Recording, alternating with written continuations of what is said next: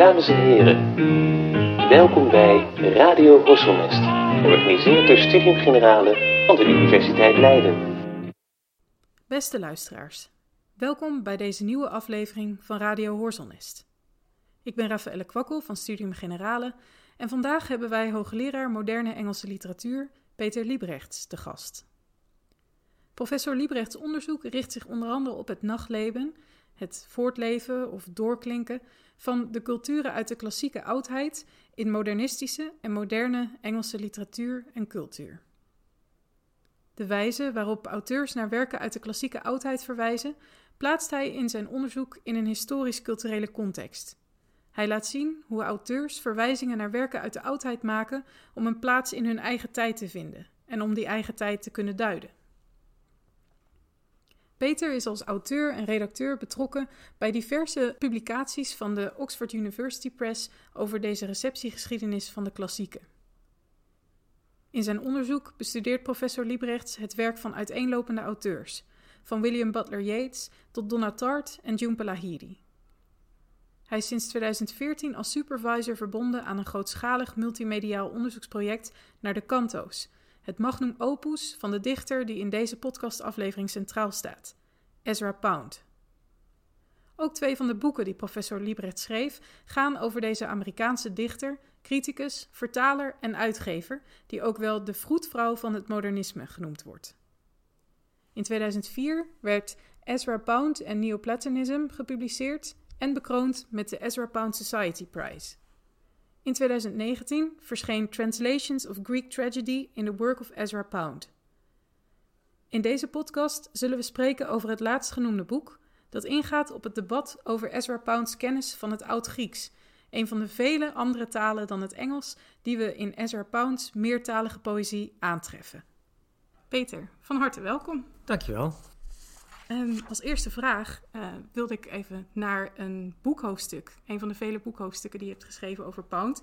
Uh, The National Skeleton. Waarin je schrijft dat Pound naar eigen zeggen, um, of eigen schrijven eigenlijk, in de wieg gelegd was om dichter te worden.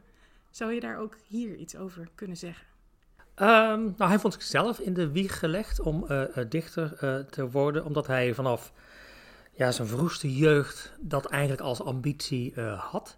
En eigenlijk zijn hele leven ook heeft geprobeerd dat ideaal te verwezenlijken. Um, zijn plan was bijvoorbeeld om op de universiteit zoveel mogelijk verschillende talen te gaan leren. Want hij wilde ook zoveel mogelijk poëzie in alle mogelijke originele talen uh, kunnen lezen. Met het idee dat als ik dat dan zoveel mogelijk doe, dan weet ik op een gegeven moment veel meer over poëzie dan wie ook ter wereld. En dat is dan de beste training die je kunt hebben om zelf een originele dichter te worden. Ja, en, um, en, en zijn naam uh, hangt daar ook wel mee samen, want zijn vader heette Homer Pound. daar hint je waarschijnlijk op. Uh, ja, en dat zag hij zelf natuurlijk wel een beetje ook als een omen voor zichzelf. Iemand die de zoon is van Homerus, heeft eigenlijk geen andere keuze dan zelf ook poëzie te gaan schrijven. Ja, en hij schrijft dan ook ergens toch dat, dat hij um, in, in de wieg lag en dat er een soort aardbei boven zijn hoofd werd uh, gebungeld door de goden die hem opriepen om, om een episch gedicht te schrijven. Ja, dat een soort visioen dat hij in een soort autobiografisch geschrift uh, uh, ja, heeft vermeld. Ja. ja. Ja, dus vanaf het begin af aan had hij al het idee dat hij inderdaad in die zin voorbestemd was. Ja, geen ja. keuze. En hij ging naar de universiteit in Pennsylvania en later in New York. Um, en uh, er is ook bekend dat hij daar het eigenlijk als student, als je dat op cijfers beoordeelt, niet geweldig deed. Maar dat klopt ook, want hij had een heel ander doel. Hij wilde uh, iets studeren wat in die tijd nog niet zo gebruikelijk was. Uh, ja, nou, hij had, had, een brede belangstelling. En in die zin werd zijn belangstelling wel een beetje gevoed. Uh, gevoed want hij, nou, hij studeerde Latijn, hij studeerde Spaans, hij Frans, Italiaans, Provençaals zelfs.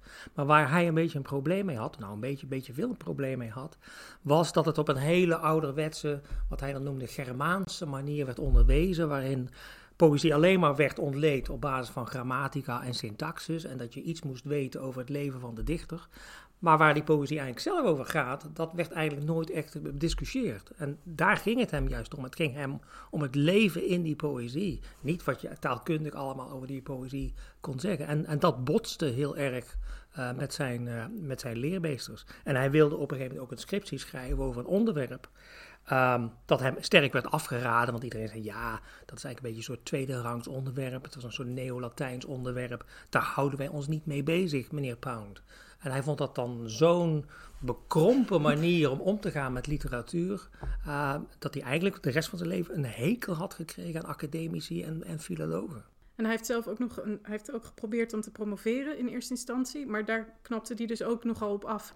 Ja, want hij heeft een, een, een boek geschreven, wat later wel uiteindelijk is, is uitgekomen. En dat is eigenlijk een, een, een manier om te kijken naar hoe het Latijn voortleefde in nou ja, Spaanse, Italiaanse, Franse en Provençaalse teksten. Maar zijn manier van presenteren was dat de teksten eigenlijk zoveel mogelijk voor zichzelf moesten spreken. Dus een groot deel van dat boek bestaat eigenlijk uit zijn vertalingen of zelfs uit originele uh, uh, poëziefragmenten die dan door hemzelf wel aan elkaar worden gepraat. Maar ja, dat werd natuurlijk niet als een proefschrift uh, goedgekeurd. Uh, want hij voldeed dus niet aan die hele strenge academische filologische eis. Nee, nee hij wilde echt dichter worden natuurlijk. Ook ja. dat was waarom hij uiteindelijk al die poëzie bestudeerde. Met het doel om dat zelf te kunnen evenaren. Ja. Um, en hij ontmoet in die tijd ook Hilda Doolittle. En ja. dat is een heel belangrijke vrouw in zijn leven. Ja, die, uh, die komt nog vaak terug in zijn leven. Ja, uh, Hilda Doolittle studeerde ook aan de Universiteit van, van Pennsylvania. Ze had een tijdje een, een relatie. Um, zij was denk ik wel iets slimmer nog dan, dan hij. um, en ze zijn een tijd verloofd geweest, hoewel daar altijd een beetje vraagtekens bij worden uh, gesteld. Uh, maar hij is op een gegeven moment naar Europa vertrokken in 1908 en Hilda Doolittle bleef toen uh, nog in, in de Verenigde Staten. Ze zijn later wel elkaar weer tegengekomen in 1911, 1912, toen Hilda Doolittle naar Europa kwam. Maar ja, inmiddels had Pound alweer een hele rits andere vrouwen achter de rug. En Hilda liep toen tegen een andere uh, dichter aan in Engeland, Richard Eldington, met wie ze uiteindelijk ook uh, trouwden. Ja, want Pound die, die was in zijn studietijd ook al met enige regelmaat in Europa geweest. En, en trekt daar op een gegeven moment dus inderdaad ook voor, voor goed, min of meer, uh, in ieder geval voor lange tijd, 30 jaar geloof ik zelfs bijna, ja. achtereen naartoe. Um, wat, wat trok hem zo aan in Europa? Nou, hij, vond, hij, werd zelf geboren in, in Haley, Idaho. Dat is Midwest. Nou ja, je kunt het bijna niet Amerikaans hebben, maar hij vond het ook heel erg geïsoleerd. Uh, en vanaf het begin was hij gegrepen door nou ja, literatuur. En nou ja, de Amerikaanse literatuur, zou je kunnen zeggen, stond nog een beetje in de kinderschoenen. Um, en hij was niet alleen geïnteresseerd in moderne, contemporaine literatuur, maar zeker ook in, nou ja, literatuur waar dan ook vandaan en hoe oud ook. Hij wilde in feite gewoon alles lezen. Ja, en dan is Europa, was toch wel in zijn ogen een beetje de bakermat dan van uh, de poëzie. Dus dat was voor hem een hele belangrijke reden om uiteindelijk naar Europa te gaan in 1908. Hij woont een paar maanden eerst in Venetië en besluit dan door te gaan naar Londen, want daar gebeurde het in die tijd allemaal. Wat ik altijd nog steeds prachtig vind, is dat hij binnen de kortste keer ook iedereen kent ja. daar. Uh, de, de, grote namen. Uh, Yeats komt hij bijvoorbeeld tegen. Dat, op dat moment is dat de dichter die je eigenlijk moet ontmoeten. Dus iedereen die iets voorstelt in het literaire circuit, daar komt hij mee in aanraking. En hij maakt ook wel zichzelf heel erg bekend in, in binnenkorte tijd. Maar hij blijft niet in Londen. In 1920 gaat hij naar Parijs. Want Londen na de Eerste Wereldoorlog verandert eigenlijk weer in een vrij conservatief bolwerk. Iedereen is natuurlijk veel meer bezig met weer, nou, de wederopbouw na de oorlog. Uh, en het klimaat, het culturele klimaat wordt weer conservatief. Dus iedereen die avant-gardistisch, revolutionair is in de kunst, gaat naar Parijs. Alle modernistische grootheden zijn op een gegeven moment dan ook in Parijs. Gertrude Stein is daar, Picasso is daar, Hemingway is daar. Iedereen gaat er naartoe. Het wordt een beetje de, de hoofdstad van het modernisme. Maar Pound heeft ook een, sterke hang naar Italië. Uh, dus uiteindelijk besluit hij in 1924 naar Rapallo te verhuizen, een klein stadje, denk 30 kilometer, een beetje ten zuiden van Genua waar Ilja Leonard Pfeiffer tegenwoordig woont. um, en daar brengt hij inderdaad twintig jaar van zijn leven uh, min of meer door. Tot hij dan in 1945, uh, en dan krijg je een zwarte bladzijde natuurlijk in zijn leven, wordt gearresteerd wegens landverraad in de Tweede Wereldoorlog en wordt overgevlogen naar de Verenigde Staten, waar hij dan terecht uh, moet staan. Um, zijn advocaat um, overtuigt hem dat hij zichzelf eigenlijk mentaal ongeschikt moet laten verklaren. Dus er wordt een team psychiaters op hem gezet die inderdaad die bewering ook staven. Dus hij heeft het proces niet te ondergaan. Dat had eventueel kunnen leiden tot de doodstraf. Maar zijn straf bestaat er dan eigenlijk in dat hij uh, in een psychiatrische inrichting wordt opgesloten in Washington, St. Elizabeth's Hospital, tot 1958. En zodra hij wordt vrijgelaten, vertrekt hij onmiddellijk weer uit uh, de Verenigde Staten en gaat terug naar Italië.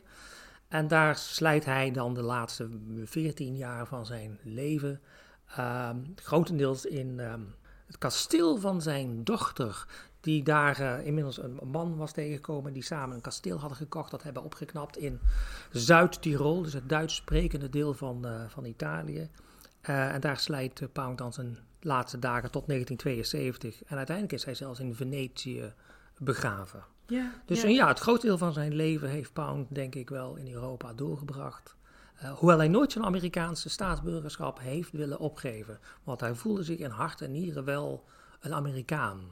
En dat is bijvoorbeeld het verschil met T.S. Eliot, die uiteindelijk in 1927 als Amerikaan wel Brits staatsburger uh, wilde worden uit volle overtuiging. En dat heeft Pound uh, nooit willen doen. Nee, en dat is wel gezien de geschiedenis inderdaad heel opmerkelijk. Het, het was, uh, je hintte daar net al even naartoe, Pound is een omstreden figuur en dat heeft ook deels te maken met, met dat landverraad. Pound ontwikkelt op een gegeven moment fascistische en antisemitische ideeën. En dat leidt ertoe dat hij radio-uitzendingen gaat maken voor uh, Mussolini. En um, daarin is hij zo kritisch op Amerika dat, dat dat uiteindelijk natuurlijk toch de Amerikaanse overheid te veel wordt om hem nog als ja, als niet-landverrader te accepteren na de Tweede Wereldoorlog. Ja, het, het is een beetje een ingewikkeld verhaal. Um, Pound is wel een, een dichter, uh, van begin tot eind van zijn leven, maar in de jaren, maar eind van de jaren tien, dus op het eind van de Eerste Wereldoorlog, is hij zo geschokt eigenlijk door het uitbreken van de oorlog, waarin hij ook hele goede vrienden heeft verloren, waardoor hij heel kritisch gaat nadenken, waarom is die oorlog eigenlijk begonnen? En hij ziet de oorzaak meer in economische redenen uh, dan uh, wat dan ook. Uh, dus hij krijgt een grote belangstelling voor, voor economie. Wat zich een beetje uitgekristalliseerd in de jaren 20 en de jaren 30.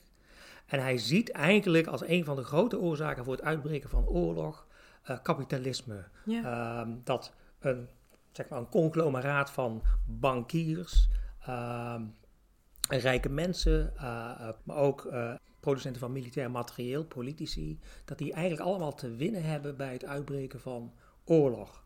Wat, wat dan de reden is waarom in, in de ogen van Pound vaak oorlog uh, gewoon wordt gestart, omdat dat goed is voor de economie. Um, nou ja, die, die, die, die theorie die hij ontwikkelt is, is, is vrij ingewikkeld. Ik zal dat hier niet uit de doeken doen. Maar hij krijgt dus een fascinatie voor het idee dat uh, de sleutel tot vrede en de sleutel tot een betere samenleving ligt in een economische oplossing. Uh, maar dan moet je wel een politicus hebben die bereid is om die zaak aan te willen pakken. En die ziet hij uiteindelijk in de jaren 30 in de figuur van inderdaad Benito Mussolini in Italië. Um, Pound bewondert hem zeer. Pound is in die zin geen fascist. Het is niet dat hij uh, het wapengekledder van Mussolini prachtig vindt. Pound is eigenlijk een pacifist. Hij houdt niet van geweld. Hij vindt al die uniformen ook maar een beetje raar. Dat vindt hij een beetje de malligheid van het fascisme. Maar hij ziet wel iemand in, uh, in Mussolini, iemand die in staat is om de economie grondig te hervormen. En je kunt zeggen dat in, sommige opzichten heeft Mussolini ook goede economische hervormingen tot stand gebracht. Um, en dan de schaduwzijde van Pounds theorie is dat hij natuurlijk de schuld gaat leggen bij banken of bij rijke families. Uh, en hij gaat dan natuurlijk ook dan het stereotype beeld van nou ja, de Jood als uh, woekeraar, de Jood als uh, de rijke man die dan de arme bevolking uitperst. dat kruipt dan wel langzaam zijn gedachtegoed binnen. Pound is geen raciale antisemiet. Je kunt hem een economisch antisemiet noemen. Dat is op zich al erg genoeg, want het speelt nog steeds met die stereotypen. Maar in die zin is hij bijvoorbeeld uh, geen fan van Hitler, die dan op een gegeven moment besluit van dat het Joodse ras als ras maar moet verdwijnen, omdat dat een onzuiver ras zou zijn. Dat is iets wat Pound zelf nooit heeft geloofd. Hij ziet gewoon in nou ja, dat is al erg genoeg. Maar in, in de samenzwering van de bankiers ook een Joods element. En dat moet dan worden aangepakt. En hij heeft het idee dat Mussolini dat dan misschien wel zou kunnen doen. Tegelijkertijd is het ook interessant dat Mussolini zelf ook geen antisemiet nee, is. Ja. Um, Mussolini is eigenlijk min of meer die kant op gedwongen. voor zover je dat zou kunnen zeggen, in 1938, omdat Mussolini steeds vaker ging leunen op de steun van Hitler. En Hitler hem eigenlijk dwong om steeds meer antisemitische wetten uit te vaardigen. Want het interessante is dat als je kijkt, statistisch gezien, hoeveel Joden er uiteindelijk uit Italië zijn gedeporteerd, dan is dat relatief heel erg weinig. Omdat de Italianen zelf heel erg hun best deden om de Joden ook zoveel mogelijk eh, te beschermen. Um, en in die zin, eh, Pound laat zich wel steeds meer meeslepen door zijn bewondering voor eh, Mussolini. En hij verliest eigenlijk de realiteit een beetje uit het oog in 1941, 1942. Ehm, hij heeft geprobeerd de oorlog tegen te houden. Hij is zelfs nog een paar keer naar Amerika heen en weer gevlogen om zelfs met president Roosevelt nog te overleggen uh, dat het een waanzin zou zijn om zich te storten in die oorlog. Ehm, en uh, ja, Hitler moet je maar niet serieus nemen en dat gaat vanzelf wel weer over. Dus hij heeft wel zijn best gedaan om die oorlog tegen te houden. Nogmaals, ook uit het idee dat dat gewoon een economische oorlog zou worden en dat dat meer ja, de Britten en de Fransen zouden helpen. Uh, en dat dat ten nadele van de Amerikanen zou zijn. Nou ja, de Amerikanen hebben natuurlijk uiteindelijk wel besloten om die oorlog door te zetten. Nou ja, Pound zit vrij geïsoleerd in Italië en besluit dan op uitnodiging van de autoriteiten om een serie radio-uitzendingen te verzorgen. Waarin hij dus ja, eigenlijk hele lezingen gaat zitten houden over economie. Uh, waarom het zo ver heeft kunnen komen. Het is niet dat hij de Amerikanen oproept om massaal te deserteren. Uh, in die zin is hij weer geen landverrader. Maar hij laat wel voortdurend merken dat hij het zeer oneens is met de Amerikaanse beslissing om aan die oorlog deel te nemen. En dat is de reden waarom natuurlijk de Amerikanen uiteindelijk tegen hem zeggen: ja, dat is toch wel landverraad, want je steunt ons land niet in een tijd van, van oorlog. Um, nou die radio-uitzendingen, um, daaraan kun je merken dat Pound op een gegeven moment geestelijk het spoor totaal uh, bijster is. Het, is een man die bijna psychotisch uh, achter die microfoon zit. Er is soms geen touw aan vast te knopen. Hij springt van de hak op de tak. Uh, het is complete wachttaal, sommige speeches die hij houdt. Maar ja, als je ze inderdaad op papier leest, dan komt er wel weer een duidelijk antisemitisch element naar boven. Uh, en dat wordt natuurlijk ook een belangrijk onderdeel van de reden waarom de Amerikanen besluiten hem uiteindelijk toch wel te arresteren zodra dat kan in 1945. En hem inderdaad in Amerika te laten berechten voor landverraad. Ja, maar hij wordt dan uiteindelijk natuurlijk opgesloten omdat hij mens, mentaal instabiel is. Ja. Um, er zijn een heleboel verschillende analyses van zijn geestelijke gesteldheid gemaakt. Maar je zegt het net al, hij, hij was nou, op bepaalde punten misschien psychotisch, uh, bipolair. Um, dat zien we niet alleen in zijn poli politieke werk terug, maar op een bepaalde manier natuurlijk ook wel in, in zijn schrijven. Hij was um, niet mentaal instabiel, maar meer heel stellig en heftig op sommige momenten. En als je zijn werk leest, of zeker ook als je luistert naar zijn eigen voordragingen van de kantos, dan hoor je dat ook al, die, die stelligheid waarmee hij alles verkondigt. En je kan je dan ook goed voorstellen inderdaad dat hij Um, ook al is hij geen econoom, toch hele economische bespiegelingen geeft. Want hij weet overal alles van, ja, maar zo te zeggen. In ieder geval, zo presenteert hij zichzelf.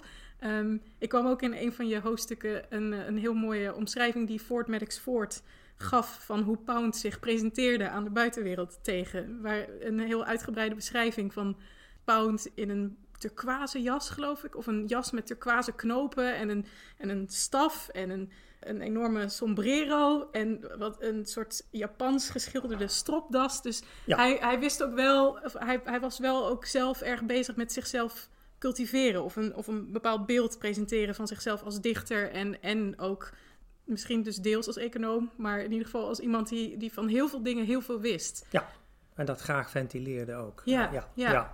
Nou ja ik denk ook wel wat, wat steeds meer naar boven is gekomen, ook de laatste jaren met allerlei archiefonderzoek. Uh, tijd zijn bijvoorbeeld die psychiatrische rapporten over Pound uit Washington niet beschikbaar geweest. Uh, uiteindelijk wel. En als je het leest, en, en gewoon, je krijgt de transcripties van de gesprekken van Pound met de psychiaters. Je, je krijgt inderdaad wel het idee, die man is uiterst labiel. Uh, hij springt inderdaad nog steeds van de hak op de tak. Hij vindt alles even interessant. Hij schakelt ineens over van Walt Disney naar economie en dan weer naar Mussolini. En voor hem is het allemaal volkomen helder en duidelijk. Maar ik kan me voorstellen dat voor een buitenstaander die hem totaal niet kent en ook zijn werk helemaal niet kent, dat hij denkt, ja die man, die heeft ze niet allemaal meer op een rijtje. dus in die zin, uh, er is inderdaad wel, wel onderzoek gedaan naar de psychische gesteldheid van Pound. Uh, En hij, hij heeft dus niet gefaked, laten we zeggen, dat hij mentaal instabiel is. Dat was ook wel echt de indruk van het team van psychiaters die hem heeft onderzocht. Hoewel hij voor zichzelf misschien wel het idee had gehad dat met hem eigenlijk niet veel aan de hand was. Dit was gewoon zoals hij inderdaad is. Want in de geschiedenis die je net al eh, besprak, is ook heel veel.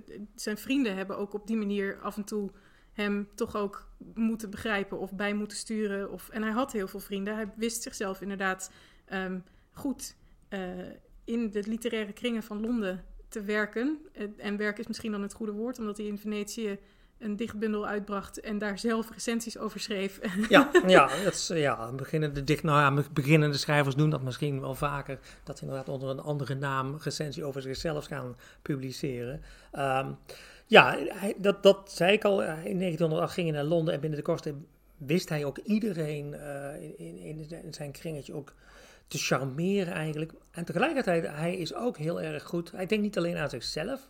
Hij is wel van zichzelf overtuigd. Maar hij is ook een grote sponsor van, van beginnende schrijvers. Stond op, je noemde al in je introductie dat hij wordt wel vaak de vroedvrouw van het modernisme genoemd.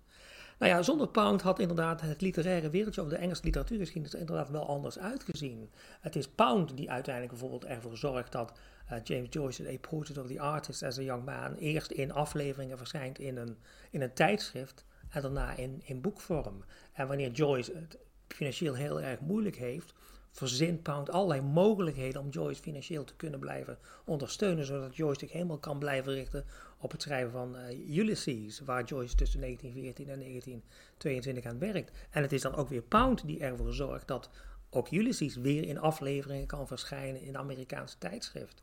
Uh, het is Pound die eigenlijk T.S. Eliot ontdekt, min of meer. Uh, er ook voor zorgt dat Eliot toegang krijgt tot die tijdschriften en zijn werk gepubliceerd kan worden.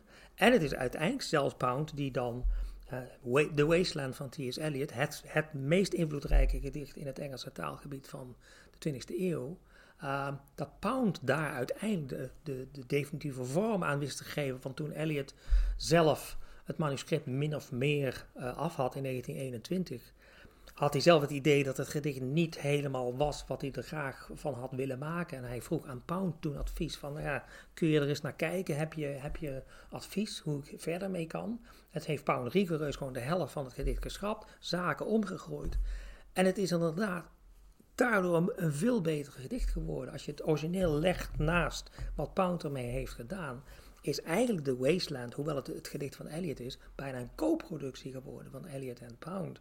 Dus Pound is ook heel erg genereus in zijn, in zijn financiële hulp, zijn, zijn literaire adviezen aan vrienden. Hij denkt niet alleen zichzelf, hij wil zoveel mogelijk proberen om ja, die hele Engelse literatuur te vernieuwen, op te schudden eigenlijk. Ja, want misschien is het wel goed om um, ook even stil te staan bij die hernieuwing en opschudding, bij het modernisme.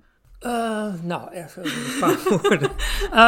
nou ja, dat is natuurlijk, laten we zeggen, als je kijkt naar de 19e eeuw in het Engelse taalgebied, er is een soort dominante stroming in de roman. Dat is het realisme. Dat je de werkelijkheid probeert te beschrijven zoals die werkelijkheid, of zoals die ook is. Um, daar worden natuurlijk steeds meer vraagtekens bij gesteld of je dat eigenlijk wel kunt. Want is uiteindelijk niet elke waarneming subjectief en kijken wij niet allemaal op een eigen manier naar de werkelijkheid. En een aantal schrijvers, die we dan later zijn gaan bestempelen als modernisme, proberen dan ook nieuwe literaire vormen te verzinnen om aan die nieuwe kijk op de werkelijkheid ook recht te gaan doen. In proza, maar ook in poëzie. Nou, Pound is dus een dichter en je kunt, als je naar zijn hele vroege gedichten kijkt, ja, hij werkt nog helemaal in die stijl van die 19e eeuw. En het is heel oudbollig. En dan op een gegeven moment krijgt Pound wel door dat dat dus niet meer werkt. Dat taalgebruik moet ook worden vernieuwd. Er komt een steeds grotere kloof tussen het alledaagse spreektaal en de taal die je in de poëzie vindt. En Pound wil zoveel mogelijk die kloof weer zien te dichten. Dus de taal moet worden gemoderniseerd. En hij wil eigenlijk af van poëzie die eigenlijk alleen maar wordt geschreven uh, volgens conventies. Dat is een van de grote uh, uh, revoluties die hij tot stand brengt. Hier komt een van de grote isms van modernisme aan bod. Dat is imagism. Pound wil eigenlijk terug naar een poëzie waarin elk woord in een gedicht telt. En elk woord dat er eigenlijk wel uitgehaald kan worden, moet je dus ook niet willen gebruiken. Waar Pound een hekel aan had, was die laat 19e eeuwse poëzie, die maar doorgaat regel na regel na regel. En die vol staat met allerlei bijwoorden en bijvoeglijke nawoorden, die vaak alleen maar in zo'n regel staan, omdat je aan het metrum uh, moet blijven voldoen. Nou ja, Pound noemt dat verbale diarree. Nou, daar moeten we maar eens van af. Elk gedicht in een woord moet tellen. Dus dat is al een belangrijke revolutionaire stap die hij aankondigt. En waar hij ook van af wil, is inderdaad het vaststaande metrum, waar je als dichter hier maar aan hebt zien te houden. De, Jampische pentameter. Je hebt eigenlijk geen keus, die regel moet zoveel uh, lettergrepen tellen. En Pound wil ook terug naar dan een gebruik van taal wat ook zijn eigen dynamiek kent. Um, dus ook ritmisch gezien probeert hij heel veel verschillende dingen uit in de poëzie. Nou ja, dat is voor die tijd vrij revolutionair. Het is, eh, je, je gooit in ene zin heel veel conventies um, opzij en je probeert iets heel nieuws uit. Tegelijkertijd, dat is wel het interessante, Pound is geen revolutionair in die zin dat hij ook zegt, nou ja, al die poëzie van vroeger, dat is, dat is oud, daar hoeven we niks meer mee. Hij wil juist dat gaan recyclen bijna, make it new, wordt een beetje zijn, zijn slogan. Hij is daardoor ook nog steeds heel erg geïnteresseerd in poëzie van vroeger, of dat nou Grieks of Romeins of Chinees of Frans of Italiaans is, dat maakt hem niet uit. Hij zegt goede poëzie blijft altijd goede poëzie. En om dat voortdurend dan te kunnen slijten aan een nieuw publiek, vertaalt hij ook zoveel mogelijk uh, van die poëzie. Om te laten zien hoe goed het is. En dat je een beetje, als je het update in, in zo'n nieuw taalgebruik, dat het nog steeds fris en relevant is. Ja, ja want um, deze ontwikkeling naar dat imagisme vindt plaats in de uh, bibliotheek van het British Museum. Waar hij dan samen met, met Hilda Doolittle, die net al even genoemd werd natuurlijk, en Richard Eldington uh, daaraan werkt. En Hilda studeerde Oud-Grieks, als ik het goed begrepen heb. Ja, zij kende Oud-Grieks. Is, ja. is dat een van de redenen dat, dat Pound daar ook zo in geïnteresseerd raakt? Of was dat wel zijn eigen interesse, om het maar zo te zeggen? Nou, nee, dat, dat was wel zijn eigen interesse. Maar op het moment dat hij zat na te denken van, nou ja, hoe kan ik die poëzie eigenlijk gaan veranderen? Hij was samen al met Yeats eigenlijk bezig om het taalgebruik een beetje te moderniseren. Yeats is eigenlijk tegelijkertijd ook aan het nadenken van hoe kunnen we die 19e eeuwse stoffige poëzie echt gaan moderniseren en er een 20e eeuwse poëzie van maken.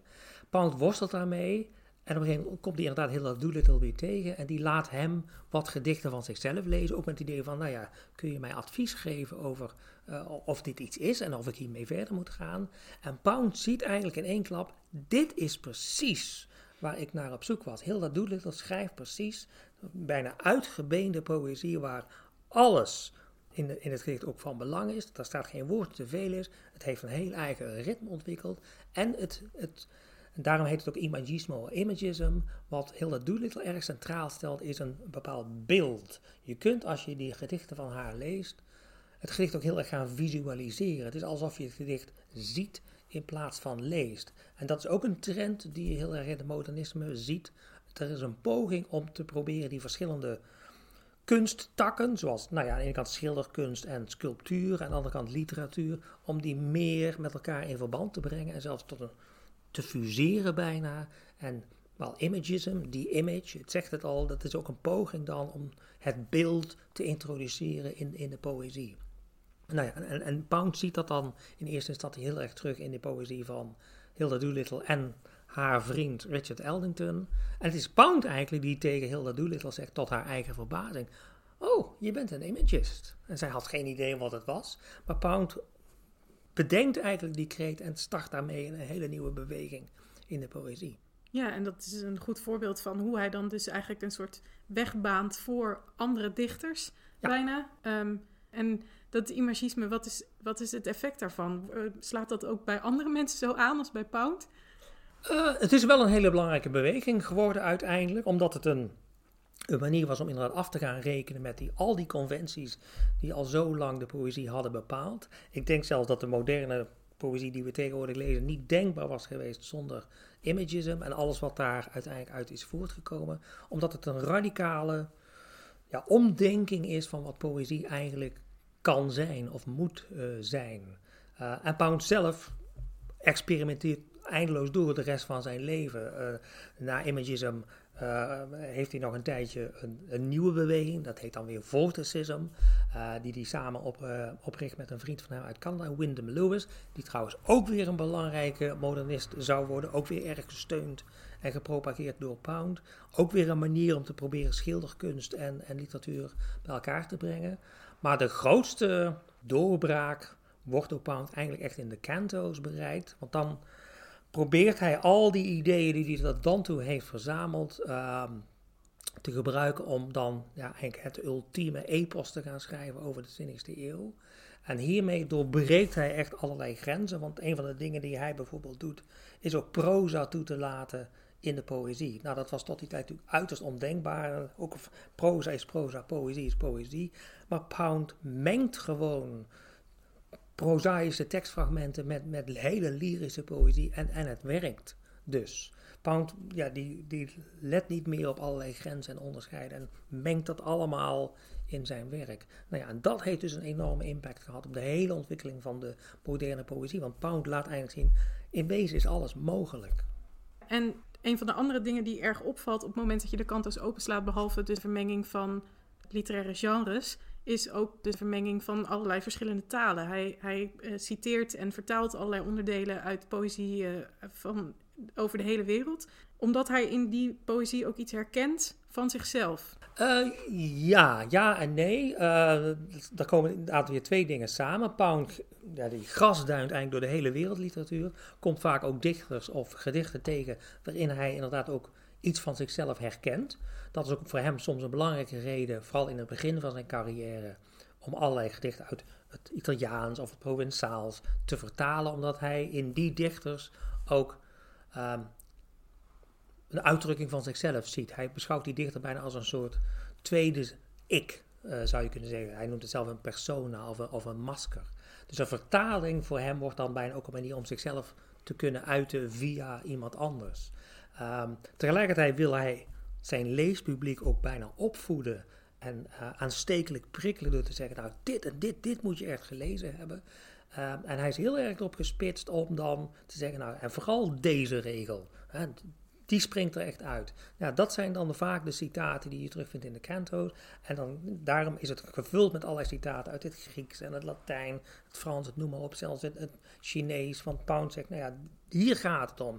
Deze dichtregel is goud waard. En als je dan daardoor geprikkeld wordt, nou, dan kun je zelf dat gedicht wel gaan opzoeken uiteindelijk en de hele context lezen. Maar Pound wil vooral inderdaad propageren alles wat hij waardevol vindt in de poëzie. In die zin kun je de Kant dus ook lezen als een soort bijna antologie van wat hij heel erg belangrijk vindt. Wat je zou moeten wezen, uh, weten als poëzieliefhebber. Maar het lastige is inderdaad wel, hij, uh, hij vertaalt wel uh, zaken, maar soms laat hij ook de zaken in het origineel staan. Ja, en je moet dan zelf maar een beetje moeite doen als lezer om nou ja, de taal te leren of een vertaling te achterhalen. Want hij zegt, ja, ik kan dan verder geen recht doen aan het origineel. En nou ja, dan is, je zou kunnen zeggen met Europese talen is dat nog wel redelijk te doen. Maar vooral ja, tegen de, de tweede helft van de canto's, dan komen er steeds meer Chinese karakters ook zijn poëzie eh, binnensluipen. Daardoor ziet het werk er ook prachtig uit. Vooral grafisch is het al een feest om, om, om te zien. Maar ja, het stelt heel veel eisen aan de lezer. Want ja, wie heeft er zin om door uh, tientallen canto's te, te lezen waar nou ja, een groot deel bestaat uit Chinese karakters? Ja, ik denk dat daarin inderdaad die, um, het, het, idee van de kanto's als, als die antologie van geweldige poëzie een heel uh, prettig uitgangspunt is. Maar het helpt inderdaad daarbij. Hij gaf zelf ook het advies, geloof ik, toch aan een andere dichteres. Um, die, die hem schreef over de kanto's en zei van ja, ik, ik kom er niet doorheen of ik, ik, vind het moeilijk om het er, ertoe te verhouden. Dat hij haar dan ook het advies geeft van nou, slaat nou alle dingen die je niet begrijpt over. Um, kom daar later nog op terug, om het maar zo te zeggen. En dat, dat helpt denk ik enorm bij het lezen van, van dat werk. Omdat het daarin wel um, inderdaad de richting biedt van waar je naar moet kijken. Ja, dat is ook mijn eerste leeservaring uh, toen ik begon met het lezen van Pound. Um, dacht ik, wat is dit? Um, bladzijden waar je denkt, nou, hier kan ik wel wat van maken. In het begin, zeg maar de eerste 50, 60 bladzijden, dat, daar is nog wel chocola van te maken. Want dat zijn hele lappen tekst die ook wel samenhang vertonen. Maar gaandeweg wordt het, de stijl ook steeds experimenteler. En zeker tegen het eind is het bijna een verzameling geworden van losse fragmenten en, en losse kreten. Ehm, ja, je, moet je gewoon aangesproken voelen tot die stijl of moeite willen doen. En als, als je dat niet wil doen, ja, dan moet je het gewoon niet lezen. Dat is altijd het advies wat ik geef aan studenten. Maar ja, mij pakte het op een of andere manier. Ik dacht, ja, ik wil hier toch iets meer van weten, omdat sommige fragmenten zo prachtig waren. Uh, die grepen mij. En ook fragmenten die ik las, waarvan ik idee had, nou ja, ik snap eigenlijk niet uh, wat ik aan het lezen ben. Maar ik vind het zo mooi, of ik vind het zo aansprekend. Um, waarom is dat? Nou ja, en dan word je toch wel gegrepen uh, door die poëzie van Pound. Er is een beroemd citaat van, um, van T.S. Eliot, die um, probeerde Dante in het Italiaans, in het origineel te lezen. Uh, en daar ook niet altijd uh, even goed uitkwam. Maar die zei op een gegeven moment van, ja, poëzie kan communiceren zelfs voordat je het begrijpt. Er zit iets in, die, in goede poëzie dat je bij je keel grijpt, waardoor je toch moeite wil gaan doen om er toch je in te willen verdiepen. En dat, dat heeft de Canto's ook wel heel erg sterk. Ja, misschien juist ook door dat fragmentarische karakter. Tenminste, dat was een van de redenen dat ik Elliot en, en Pound um, zo ben gaan waarderen. Het, dat gevoel van het fragmentarische, wat ook met het modernistische opkomt, dat de werkelijkheid zo versnipperd is, dan is het prettig om. Het voelt soms zo stuurloos en richtingloos allemaal. En zij doen daar eigenlijk in hun poëzie heel veel recht aan. Je ziet bij hen ook dat vastgrijpen aan bepaalde stukjes die dan even een soort houvast geven in, ja, in dat fragmentarische. Ja. ja. Ja, en tegelijkertijd biedt hij grotere context voor al die fragmenten, waardoor je het idee krijgt, er zit toch nog een zekere orde achter al die fragmenten. Nou ja, Pound heeft natuurlijk wel uitgesproken ideeën, hij heeft een wereldbeeld en dat wordt wel zoveel mogelijk uitgedragen in, in de canto's. Maar hij gaat het niet expliciet maken. En dat is ook wel het, het, interessante, dat is ook een beetje een poëtische techniek die hij heeft. Hij heeft het idee van, nou ja, als je twee of drie fragmenten hebt, die dan gewoon onder elkaar staan zonder verbindende tekst, dat je zelf als lezer op een gegeven moment kunt zien, er is een samenhang in. Het is net als je naar een film kijkt, een montage van verschillende scènes, en het leidt uiteindelijk wel tot een iets hoger inzicht. Al die verschillende details leiden tot een generalisatie. En zo werkt de canto's eigenlijk ook. Hele lappe fragmenten, maar uiteindelijk roepen ze wel, als je ze gaat combineren, wel een soort samenhangend wereldbeeld op. Ja, daarin was hij ook zo revolutionair waarschijnlijk, toch? Want vandaag de dag hebben we daar veel meer aandacht voor dan uh, in der tijd misschien. Ja, ja. Ja, Nee, ja, het is dankzij Pound dat de poëzie er nu zo uitziet. Althans in het Engelstalige. Nou, niet alleen het Engelstalige gebied. Hij heeft natuurlijk ook wereldwijd een grote invloed uitgeoefend. Brazilië bijvoorbeeld, uh, daar heb je allerlei dichters die in de jaren 50 helemaal wild zijn van Pound uh, bijvoorbeeld. Dus ook globaal gezien uh, heeft hij veel invloed uitgeoefend. En hij is natuurlijk zelf ook een vrij, ja, je kunt hem een werelddichter noemen, want hij stopt niet bij Europa. Hij is geïnteresseerd in Japan, gaat Japanse nooddrama's vertalen. Hij is erg geïnteresseerd in China, vertaalt uh, de Ode van Confucius en andere Confuciaanse geschriften. Dus de hele wereld ligt voor Pound open. En hij wil het allemaal proberen samen te brengen in zijn uh, dichtwerk. Dus in die zin is het ook een, een, werelddichter. Dus het is ook wel heel begrijpelijk dat ook dichters over de hele wereld ook gegrepen zijn door Pound. Ja, en um, om, om dat allemaal zich eigen te kunnen maken, moet hij die talen, moet hij zich ook verdiepen in die talen en gaat hij dus dat werk vertalen. Maar die vertalingen die zijn ook heel revolutionair voor zijn tijd. De manier waarop hij vertaald is, is uh, niet, uh, niet filologisch. Ja, wat hij eigenlijk zoveel mogelijk wil proberen over te brengen is wat hij ziet als nou ja, de geest van het gedicht. Hij is inderdaad niet zo geïnteresseerd in nauwkeurig al die grammaticale uh, details over te brengen. Ik zeg ook altijd, nou ja, als je echt Homerus of welke dichter hij ook vertaald heeft in het origineel wil begrijpen, dan moet je niet de vertaling van Pound uh, gebruiken. Gebruik dan een, zeg maar een echte vertaling, want Pound gebruikt zijn vertaling om ook zijn visie op die dichtkunst, op die dichter uh, te ventileren. Hij ziet uh, vertaling ook als een vorm van literaire kritiek, meer dan als een vertaling eigenlijk. en zijn vertalingen kun je eerder bestempelen als versies of adaptaties. Want Pound probeert ook zijn eigen persoon zoveel mogelijk in die gedichten tot uitdrukking uh, te brengen. En dat heeft wel eens geleid tot hele felle discussies. Er is een beroemd uh, uh, gedicht van hem, Homage to Sextus Propertius van 1919. Een Latijnse dichter, eerste eeuw voor Christus. En wat Pound heeft gedaan, hij heeft een aantal gedichten van Propertius die hij bewonderde bij elkaar geharkt, die vertaald. En daarbij in de ogen van klassici, de filologische klassici, heel wat blunders begaan. Maar wat Pound eigenlijk heeft willen doen is, nou hier heb je te maken met een dichter in de eerste eeuw voor Christus, die leeft in de tijd van keizer Augustus, waarin het Romeinse Rijk heel erg aan het uitdijen is, vrij imperialistisch is, vrij nationalistisch is. En hij zegt, je kunt dus een link leggen met Engeland uh, in de Eerste Wereldoorlog, hè, het Britse Rijk.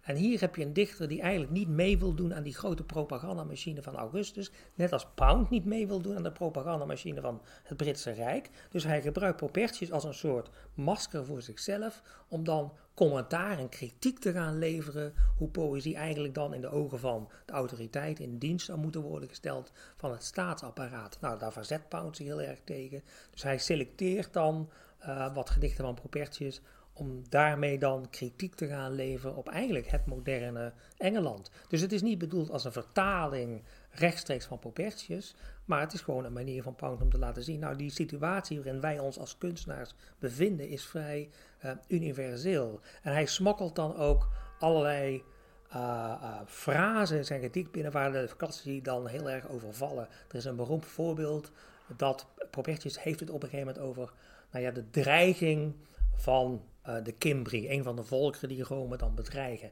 En je krijgt dan dat hij de Latijnse frase Cimbrorum minas gebruikt. Hè? De dreigingen van de Cimbri, waar Rome zich dan tegen de weer moet stellen. En Pound ziet dan die frase en denkt Cimbri, oh dat is Cimbro, dat is, dat is Wales. En Minas, dat is mines. En dan heeft hij het eens over Welsh coal mines. En dat, dat moderniseert het gedicht heel erg. Hij probeert ook een beetje de klank bijna van het Latijn vast te houden en vindt daar dan een modern equivalent voor. Ja, in de ogen natuurlijk van een filologische klassicus is dit een wanvertaling tot en met, maar het werkt wel in de context van de intenties van Pound. Ja, hij maakt het zich echt eigen. Hij maakt het zich in die echt eigen. Nou ja, en dat heeft ook een enorme uh, invloed gehad op allerlei vertalingen. Of hoe je tegen vertalingen aan kunt kijken. Dat je dus een, een tekst, een ander soortige, een anderstalige tekst, ook op die manier kunt benaderen en dus ook kunt gaan weergeven. Ja, en daar is nog steeds heel veel discussie over onder, onder Pound-bestudeerders, om het maar zo te zeggen. Ja. Uh, en daar gaat ook je, je meest recente boek over hem ja. op in. Um, want er, Pound heeft ook mede zelf een beetje bijgedragen aan het idee dat zijn, zijn kennis van het Oud-Grieks niet fantastisch was. Ja. Uh, waarom deed hij dat? En, en, um, en hoe, ja, jij hebt dus onderzocht in je meest recente boek dat dat eigenlijk niet helemaal klopt. Ja, dus, dus ik, ik had ook lang vaak wel het idee, nou ja, zijn Latijn was vrij uh, goed ontwikkeld. Um, want hij kon er zelfs dus ook mee spelen. Hij wist wel wat hij aan het doen was. Hij was vrij goed in de Romaanse taal in het algemeen. Um, en ik had altijd het idee dat zijn Grieks inderdaad niet zo denderend was. Inderdaad, ook vanwege de uitspraken die hij wel deed. En hij had soms ook van die hele provocerende uitspraken van, nou ja, God, als je uh, een gedicht wil lezen in een andere taal, dan hoef je eigenlijk die taal niet helemaal te leren. Het enige wat je nodig hebt, nou ja, je, je leest een paar goede gedichten. En als je die een beetje van buiten kent, dan ken je de taal eigenlijk ook wel. Een beetje bijna simplistische manier. Maar het was vooral ook heel provocerend bedoeld, omdat hij zo antifilologisch is. Dus daardoor had ik ook het idee dat, nou ja, het, het Grieks van hem was een beetje wankel. En ik ben er eigenlijk wel enigszins op teruggekomen. Inderdaad, omdat ik op een gegeven moment uh, uh, wilde gaan onderzoeken. Uh, Pound heeft ook twee vertalingen gemaakt van twee tragedies van Sophocles, waar inderdaad mijn laatste boek over gaat. Het interessante vond ik altijd dat Pound heel lang een soort weerzin had tegen de Griekse tragedie. Hij zei ja, het is drama, het is geen poëzie. En in feite wordt dan, worden woorden gebruikt die ten dienste staan van de actie, maar niet ten dienste van de poëzie. Dus daarom heb ik eigenlijk niet zo'n interesse in toneel. Ik wil me eigenlijk alleen maar kunnen bezighouden met poëzie. En hij is daar uh, later een beetje op teruggekomen, omdat hij ook wel zag dat ook de Griekse toneelschrijvers ook hele grote dichters waren. Dus toen hij um, nou, 1945 overgevlogen naar uh, uh, Washington, proces, niet schuldig verklaard, maar opgesloten in de psychiatrische inrichting. daar heeft hij eigenlijk in die twaalf jaar dat hij zich zat, de, eerste zes jaar zich alleen maar bezig gehouden met het vertalen van Chinees, voor zover hij Chinees beheerste. En die twee tragedies van, van Sophocles. Um, en wat ik heb onderzocht is er zijn een heleboel verschillende archieven in de wereld die je uh, kunt uh, raadplegen, die tot nu toe eigenlijk niet gezamenlijk zijn geraadpleegd. Nou ja, er zijn bijvoorbeeld uh, handschriften en typschriften van vroegere versies van die tragedies in diverse bibliotheken. Waar ik op een gegeven moment ook achter kwam, de dochter van Pound, die nog steeds leeft en nog steeds in Noord-Italië woont, heeft bij haar thuis in Broenenburg, in haar kasteel, nog steeds de persoonlijke bibliotheek van haar vader staan. En ik was op een gegeven moment bij haar op bezoek. Uh, en ik mocht een beetje gaan grasduinen in, uh, in die boeken. En ik zag op een gegeven moment dus een vertaling, een tweetalige vertaling van Sophocles staan. En ik sloeg die dus open. En toen stonden dus ontzettend veel aantekeningen in. Echt bijna woord voor woord, aantekening, vertaling, noem maar op. Dus hij heeft echt zijn uiterste best gedaan om het Grieks ook proberen te begrijpen. En dat had ik eigenlijk nooit beseft dat hij dat had proberen te doen. Toen dacht ik, ja, hier moet ik toch wel iets, iets mee gaan doen. Dus uh, ik heb een paar jaar besteed om nou ja, in, in, de archieven van Amerika die typescripts en die handschriften bij elkaar te, te, verzamelen, de verschillende versies. Maar ik heb ook dagen doorgebracht in Broenenburg om nou ja, gewoon door die hele aantekeningen heen te gaan. Nou ja, en, daar kun je wel zien, het interessante is dat hij in het begin heel erg zat te worstelen nog met de grammatica. Want zijn grammatica was ontzettend roestig. Uh, dus zeer onderontwikkeld, zou ik zeggen. Hij, stelt ook, hij schrijft ook de vragen op: is dit eigenlijk wel dit en dit en dit? Um, en gaandeweg merk je dat hij wel steeds meer zich die taal weer mee weet eigen te maken. Hij had wel een heel goed taalgevoel, moet ik zeggen. Um, dus op grond alleen al van die aantekeningen kun je zien dat zijn Grieks uiteindelijk wel een stuk beter is geworden.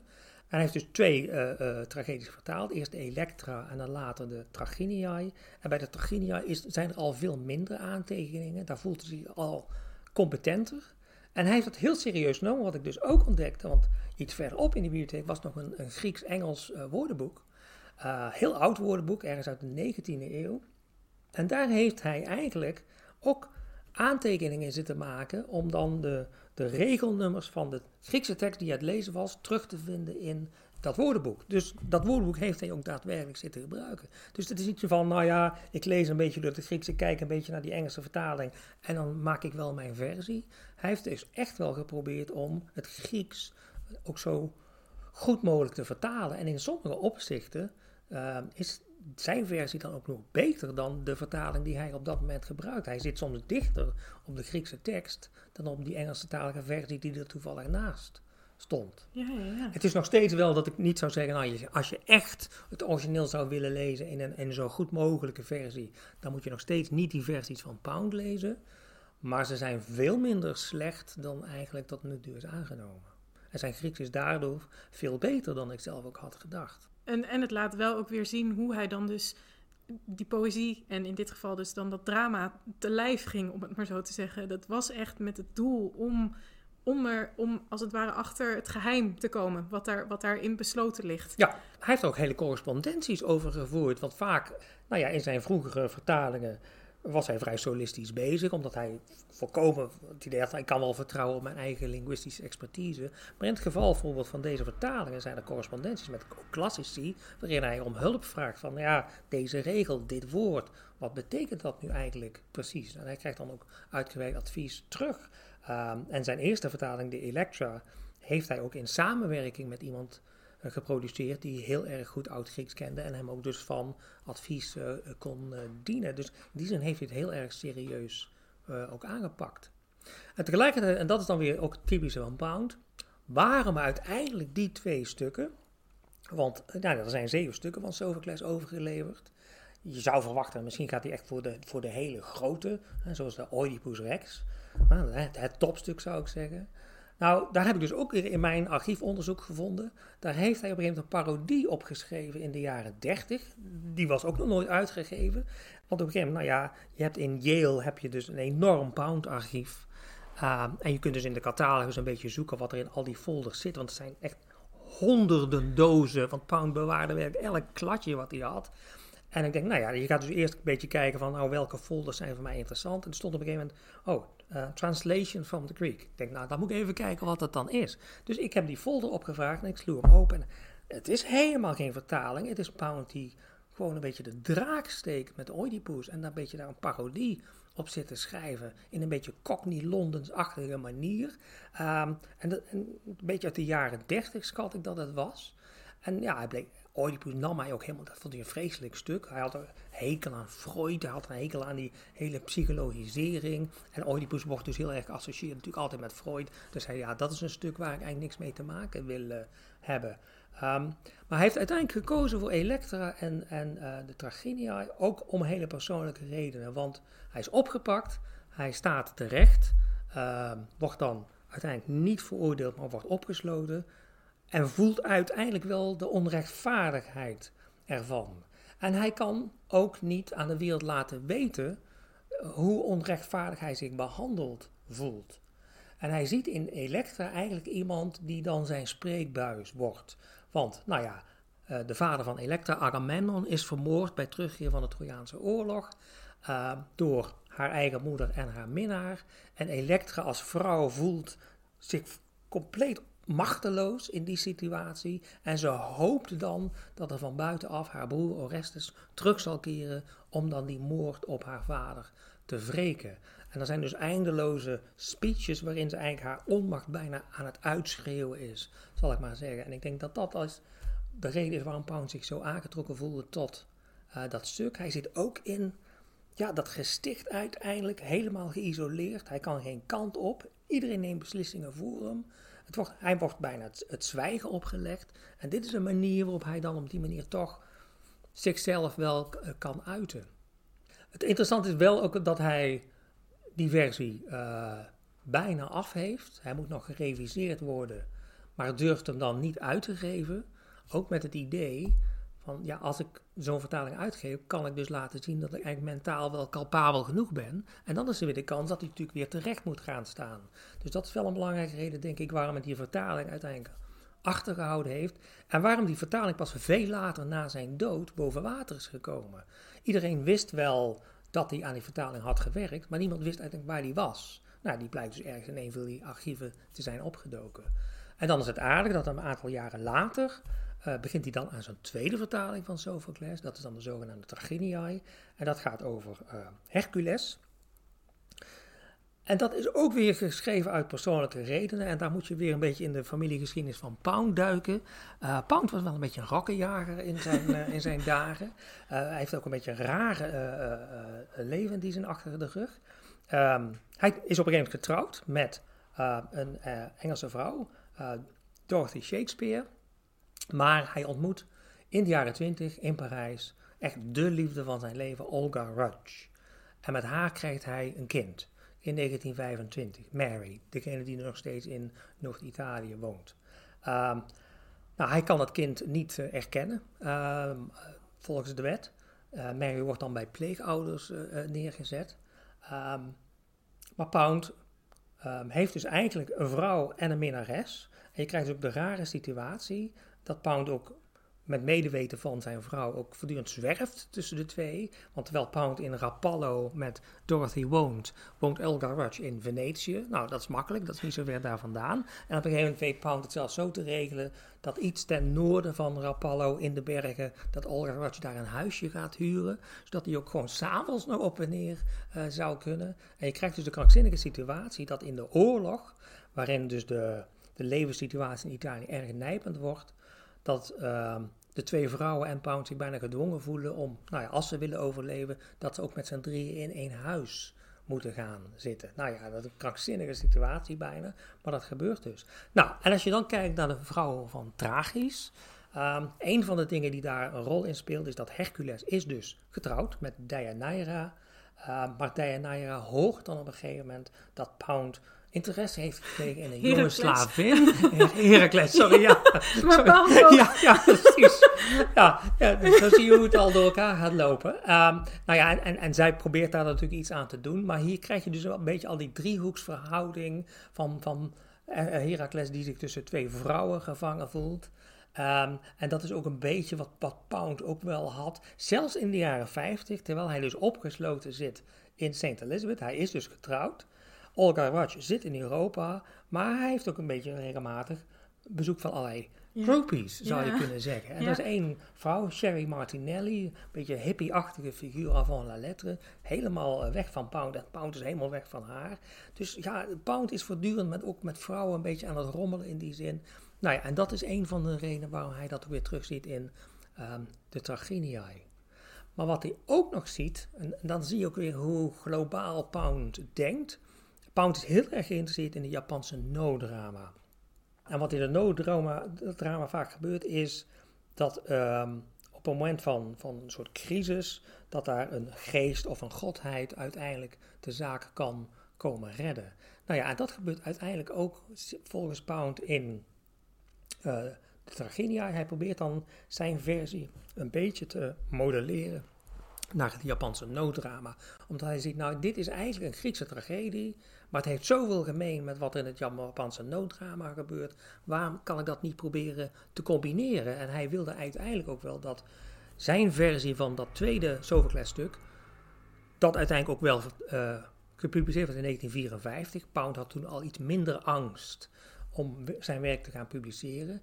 Ehm, toen heeft hij ook contact gehad met allerlei mensen die het stuk wilden opvoeren. En daar is ook weer een uitgebreide correspondentie over. Dat hij het eigenlijk als een soort Japans no-spel opgevoerd wilde zien. Om ook die, die combinatie van Griekse tragedie en Japans no-drama eh, ook op het toneel verbeeld wilde zien. En dat is in sommige gevallen ook inderdaad echt eh, eh, gebeurd. Ja, ja. Of het werkt is een tweede, maar het, het tekent maar weer hoe Pound toch voortdurend bezig blijft om verbanden te leggen, zichzelf ook weer te vinden in de teksten van andere mensen en daar via een vertaling dan weer uiting aan te kunnen eh, geven. En vooral die twee stukken, die twee Sophocles-stukken, ja, die hebben wel een diepe indruk op hem gemaakt, want hij citeert dus ook in de latere cantos ook regelmatig nog uit die twee stukken. Dus ook voortdurend zijn er dwarsverbanden zelfs tussen zijn vertalingen en zijn eh, dichtwerk. Dus het wordt een, een groot samenhangend geheel wat hij probeert te creëren.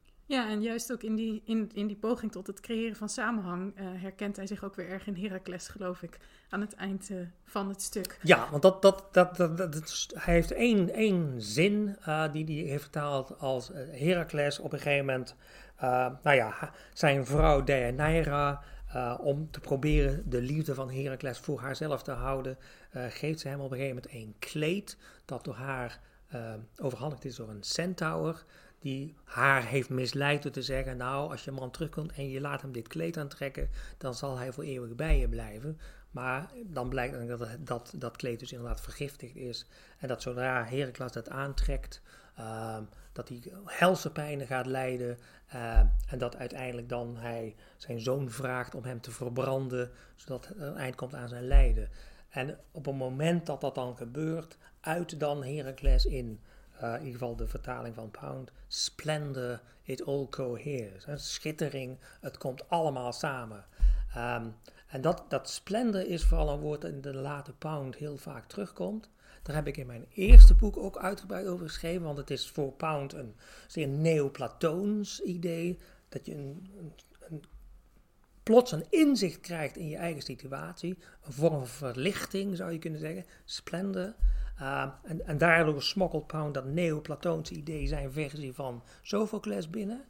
Um, en dat wordt voor hem een kernwoord, want in de allerlaatste fragmenten van de cantos, want de cantos zijn nooit geëindigd.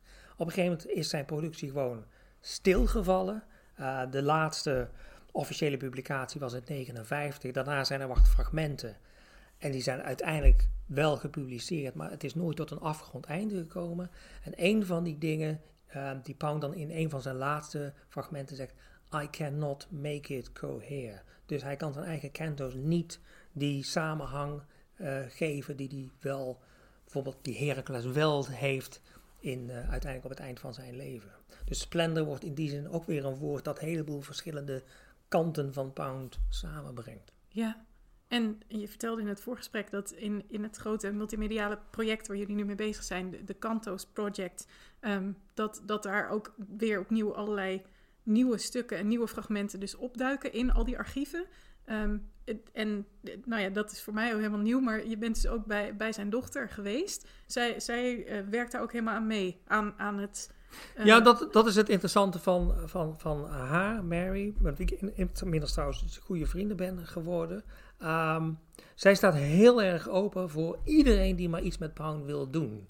Zij is tot voor kort altijd, ook tweejaarlijks is er altijd een grote internationale Ezra Pound conferentie. Daar is zij ook altijd bij. En je mag ook zeggen wat je wil. Kijk, natuurlijk is er heel veel belangstelling gekomen voor de antisemitische kant van Pound.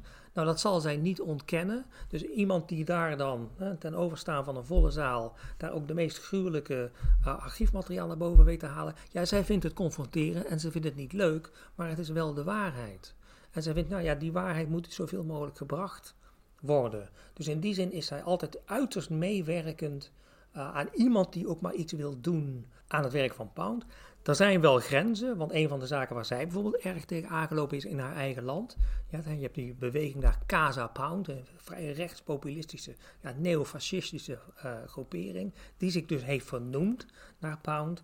Nou, daar heeft zij zich wel tegen verzet, daar heeft ze een rechtszaak tegen aangespannen, die zij inmiddels helaas heeft verloren.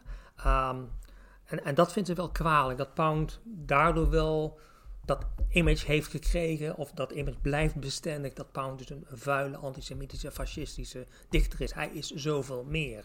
En, en, dat vindt ze dan wel jammer, dat dat het enige is dat dan blijft hangen uh, uh, van haar vader.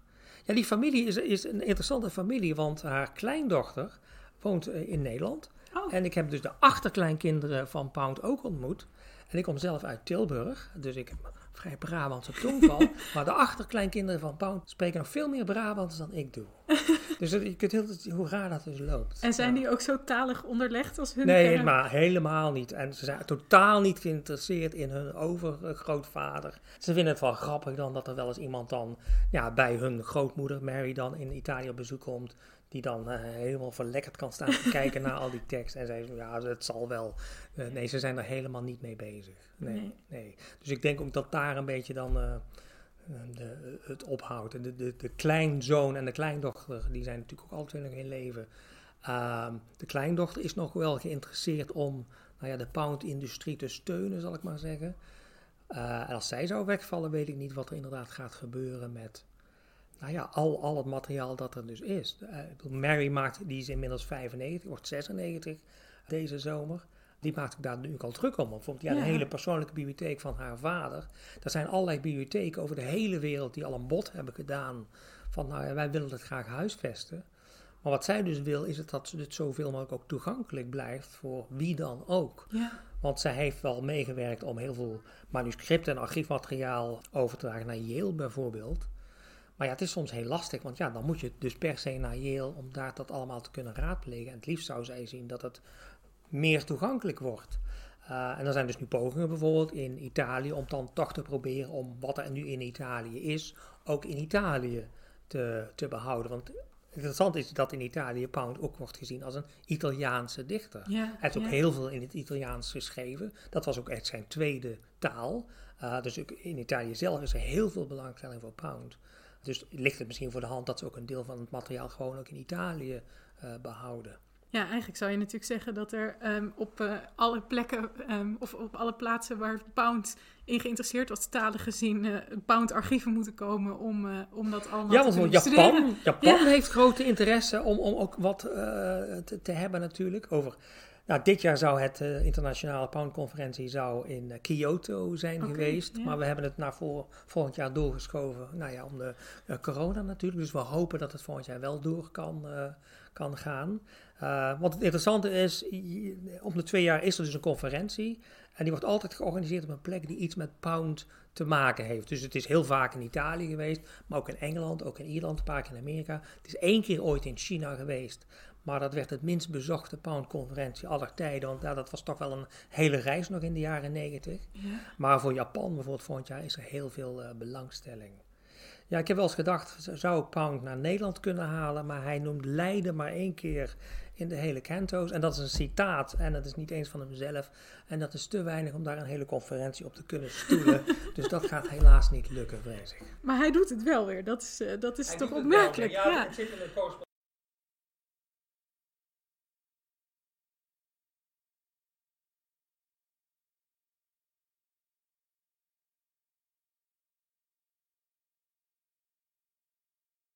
Nou ja, en al die verwijzingen die, eh, die zullen eh, met name uh, hoogleraren en professoren en docenten natuurlijk zeer blijven bezighouden, maar hopelijk ook studenten literatuurwetenschappen, want er is nog een hoop te ontdekken. Er is inderdaad nog steeds wel een hoop te ontdekken. Ja, er is nog steeds een hoop in, in archieven te vinden. En eigenlijk bijvoorbeeld een, groot deel van alle essays en, en proza die hij schreef in Italië, weliswaar natuurlijk in de Italiaanse jaren 20 en 30, dat moet allemaal nog uitgegeven worden. Het ligt allemaal ergens in, in archieven. Hij was zo productief. Eh, als hij nu geleefd zou hebben, zou hij een van de meest productieve bloggers ter wereld zijn. Ja, hij kon gewoon zijn mond niet houden. Hij moest gewoon altijd eh, wel iets, uh, de grote mansplainer aller tijden, zou ik bijna zeggen. Dus ja, ja. ja, ja iedereen moet deelgenoot worden van wat hij denkt. ja. Nou ja, en uh, wat dat betreft hebben we gelukkig ook de handvaten nu, mede natuurlijk dankzij alle antologieën die er geschreven zijn, maar ook dankzij Pound zelf, om, om ons daar ook mee bezig te houden en om ons daarin te verdiepen. Ja, nou ja, dankzij het internet is het uh, onderzoek doen al een stuk makkelijker uh, geworden, moet ik zeggen. Dus dat is al een, een, hele zegen. In die zin zie je wel dat de hele Pound-studies wel een enorme vlucht hebben genomen de laatste twintig jaar. Nou ja, dat Kentos-project wat dan aan de Universiteit van Edinburgh zit, dat is ook een multimediaal project en je kunt er eindeloos doorklikken. Ja, dat zou vroeger, je, dat kon je natuurlijk nooit op papier zo uitgegeven krijgen. En nu kun je gewoon met één druk op de knop, heb je al het commentaar uh, ter beschikking. Dus dat is een enorm voordeel. Ja, nou ja, wij hopen daar met deze podcast natuurlijk ook deels aan bij te kunnen hebben gedragen. En we willen jou heel erg hartelijk danken voor je komst. Oh, heel graag gedaan. Ehm, en aan de luisteraars natuurlijk bedankt voor het luisteren. En tot een volgende keer. Dit was weer een aflevering van Radio Horselnest. Dank u voor het luisteren.